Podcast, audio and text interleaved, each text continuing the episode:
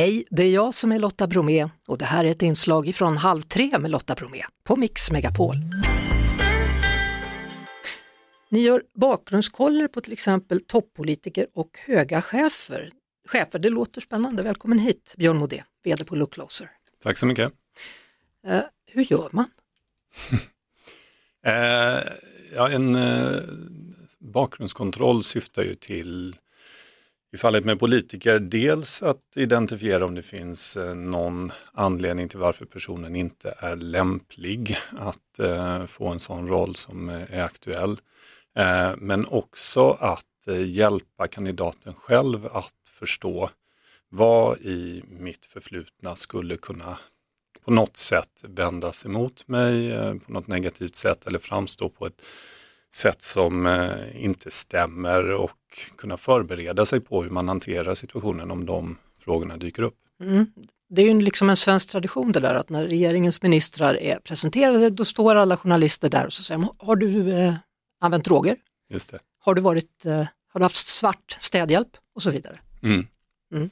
Nej men det, det, det, stämmer, det har ju blivit eh, någonting som har varit återkommande tyvärr eh, och man kan väl säga att de flesta partierna har väl haft sina elddop där man har förhoppningsvis fått lära sig läxan att det är bättre att eh, ta reda på vad som finns i förväg istället för att stå och svara, frågor, svara på frågor om det när man är utnämnd. Men, men, det ni gör då, det är lite grann som en journalist, till viss del i alla fall. Man googlar, man kollar sociala medier och så, men hur långt tillbaka i tiden går ni? Eh, vi, vi, går faktiskt ganska långt tillbaka. eh, så långt tillbaks som det är möjligt. Eh, och den ena delen som vi kanske har mer tid på oss att göra, där tittade vi, tittade vi kanske tillbaks till ja, tidigt 90-tal. Eh, går igenom personens privatekonomi, olika engagemang som bolagsengagemang, avtryck i media. Eh, sen efterhand så kommer ju sociala medier in och blir en viktig del i det hela och det är ett, eh, ofta ett digert arbete att gå igenom.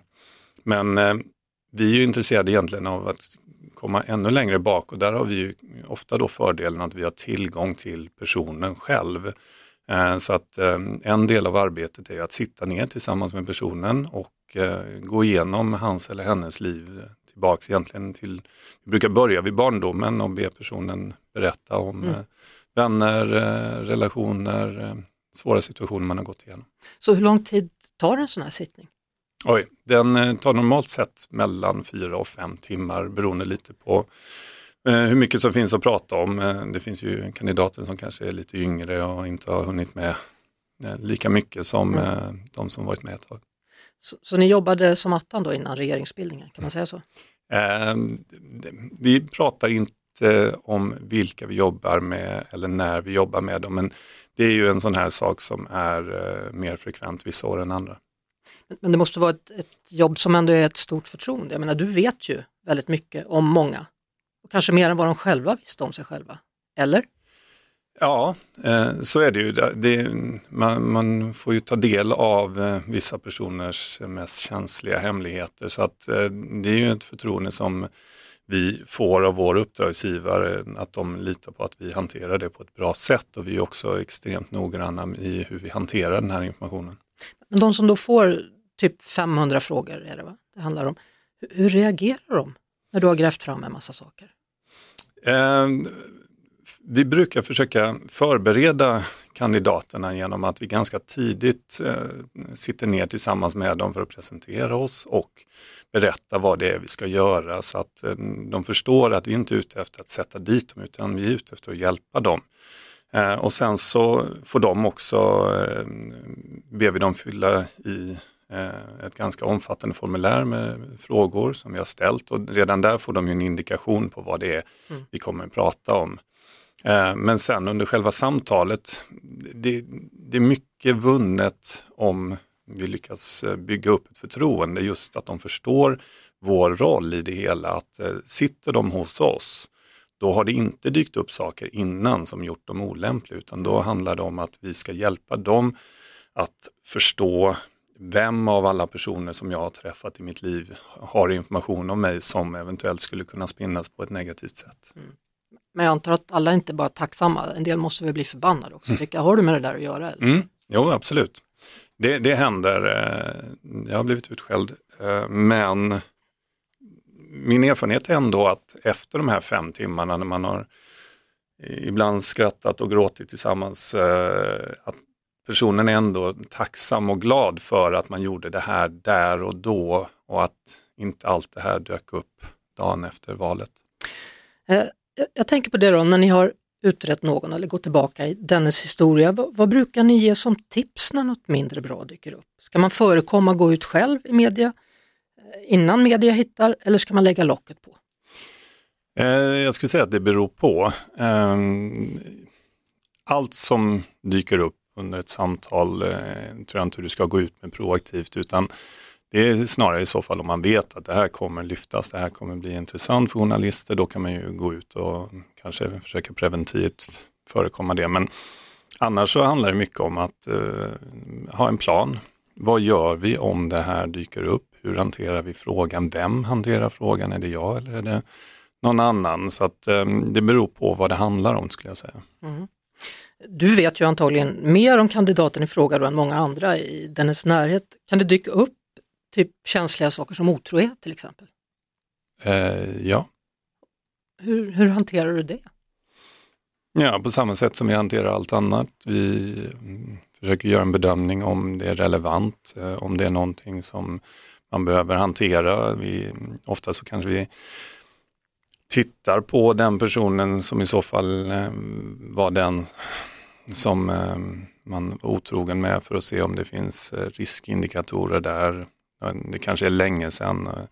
Det kan ju vara andra saker också där man har haft relationer där det har hänt saker för länge sedan och då eh, en av mm, sakerna vi försöker göra en bedömning av det är vad är risken att den personen skulle gå ut med informationen och det kan ju vara till exempel om det är en person, en person som numera är, har ekonomiska problem då som skulle Mm. ha ett intresse av att vända sig till någon tidning eller liknande. Om du jämför Sverige med USA till exempel, för så fort det är presidentval till exempel så kommer det ju avslöjanden och det är folk som har fått betalt för att vara tysta och nu ska de prata och så vidare. Var, Var är Sverige i förhållande till en sån plats? Eh, jag skulle säga att vi är väl fortfarande en ganska trygg plats på så sätt. Det är inte, min bedömning är att det inte är lika aggressivt och eh, aktivt sökande efter skräp. Eh, det, hän, det har hänt att eh, vi har fått förfrågningar om det man kallar för negativ campaigning, alltså identifiera eh, negativa saker på en eh, motståndare. Att, men vi på Look Closer, vi gör aldrig så, den typen av uppdrag. Vi, vi, vi ser det vi gör faktiskt som någonting positivt, som någonting som eh, främjar demokratin i slutändan. Så var går gränsen för att du ska flagga för en, att en kandidat inte borde få den rollen som han eller hon är tänkt för? Eh, det funkar inte riktigt så. Vi ger inte rekommendationer om eh, kandidater ska få rollen eller inte, utan vi diskuterar de saker som har framkommit och som vi ser som relevanta med vår uppdragsgivare. Och sen så i slutändan så är det ett beslut som den personen tar. Och den, eh, vissa av de sakerna vi lyfter kanske är det som eh, får vågskålen att tippa över åt ena eller andra hållet. Men eh, vi ger aldrig några go, no go rekommendationer på det sättet. Sen så kan vi göra en bedömning av hur ovanligt är det, hur, hur stor avvikelse är det vi pratar om och, och det kan ju ge rekommendationer sen då till vår uppdragsgivare. Mm. Men- Men kan man alltså tänka sig att, att ni går tillbaka så långt så att det kan få en betydelse om en person till exempel mobbades eller mobbade andra i grundskolan eller tog en resa till en coffeeshop med en kompis på tågluff i Amsterdam? Ja, det är ju sådana saker som vi, vi tittar på. Vi, vi börjar ju, som jag nämnde tidigare, samtalet just i skolåldern. Vem var man i skolan? Eh, och om personen lyfter att man kanske gjorde saker där som man inte var så stolt över och då försöker vi identifiera om det var någon speciell person som utsattes och som, eh, sen pratar vi om man har haft någon relation sedan dess eh, och i, om det är tillräckligt allvarligt så kanske vi tittar lite på vem den personen är idag också. Eh, kandidaten själv kanske har, mm, väljer att ta en kontakt. Men allt det där med den kontakten med tidigare relationer är ibland lite svår just eftersom det är så pass känsligt och så pass konfidentiellt det som ska hända. Så man kan inte gärna gå ut och säga att nu kommer jag snart bli minister så nu vill jag prata om det vi gjorde i åtta. Mm. Utan man måste vara ganska försiktig där. Så vad är okej då? För det känns som det har förskjutits lite där. För några år sedan då, då kunde man inte köpa en Toblerone med fel kreditkort, då åkte man med huvudet före. Svart städhjälp, inte bra. Numera? Mm. Nej, jag, jag, jag, håller med. Vissa saker har blivit mer accepterade, till exempel bruk av narkotika. Ehm, och om man ska prata generellt skulle jag säga att eh, om jag som medborgare känner igen mig i det som har hänt, att det är någonting som jag kunde gjort eller någon av mina vänner kunde ha gjort, då har jag mer överseende med det än om det är något som man bedömer etiskt tvivelaktigt eller som något som bara för dem med mycket makt till exempel. Mm. Eh, vi har haft exempel på folk ur näringslivet som har gjort saker som har varit kanske allmänt accepterat i näringslivet men som befolkningen i stort inte tycker är okej. Eh, jag antar att du som alla oss andra ibland har med dig jobbet hem. Eh, kan, kan du låta bli liksom att göra en bakgrundskoll på din granne? Mm, det kan jag. Eh, helt enkelt för att det funkar inte. Man, blir, man skulle bli dum i huvudet och man började kolla upp alla runt omkring sig. Så att det, det är en, jag tror alla vi som jobbar med det här, man, man vill inte vara den personen utan det är ett aktivt val att inte kolla alla runt omkring sig. Men, men ni har ingen lögndetektor? Nej, vi har ingen lögndetektor. Nej. Om du försöker tänka opartiskt i den här frågan, då borde fler använda sig av bakgrundskoller? Inte för nyfikenhet utan mer för att slippa få otrevliga överraskningar? Ja, det är två svar på den frågan. Det generella skulle jag säga nej. Jag tycker att det kanske inte är en positiv trend att alla ska granskas överallt hela tiden. Däremot så tycker jag att det finns eh, situationer där man borde göra det oftare och kanske bättre. Eh, när det handlar om stora investeringar i eh, företag eller i personer, i, känsliga utnämningar så tycker jag att man ibland är lite blåögd och mm. litar för mycket på sin egen magkänsla. Du, eh, har du ett stort kassavalv eller? Eller ett arkiv med lås på, för du har ju massor med uppgifter om väldigt många människor. Ja. Nej, vi, faktiskt, vi sparar inte information.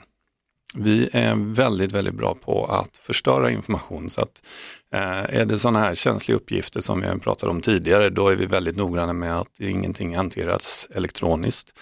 Eh, de anteckningar som vi tar är för vårt minne enbart och de eh, förstör vi så fort vi är klara med dem. Så att vi behöver inget stort kassaskåp faktiskt. Nej, utan det strimlas. Ja, det strimlas. Tack för att du kom hit, Björn Modé, VD på Look Closer. Det var det. Vi hörs såklart igen på Mix Megapol varje eftermiddag vid halv tre.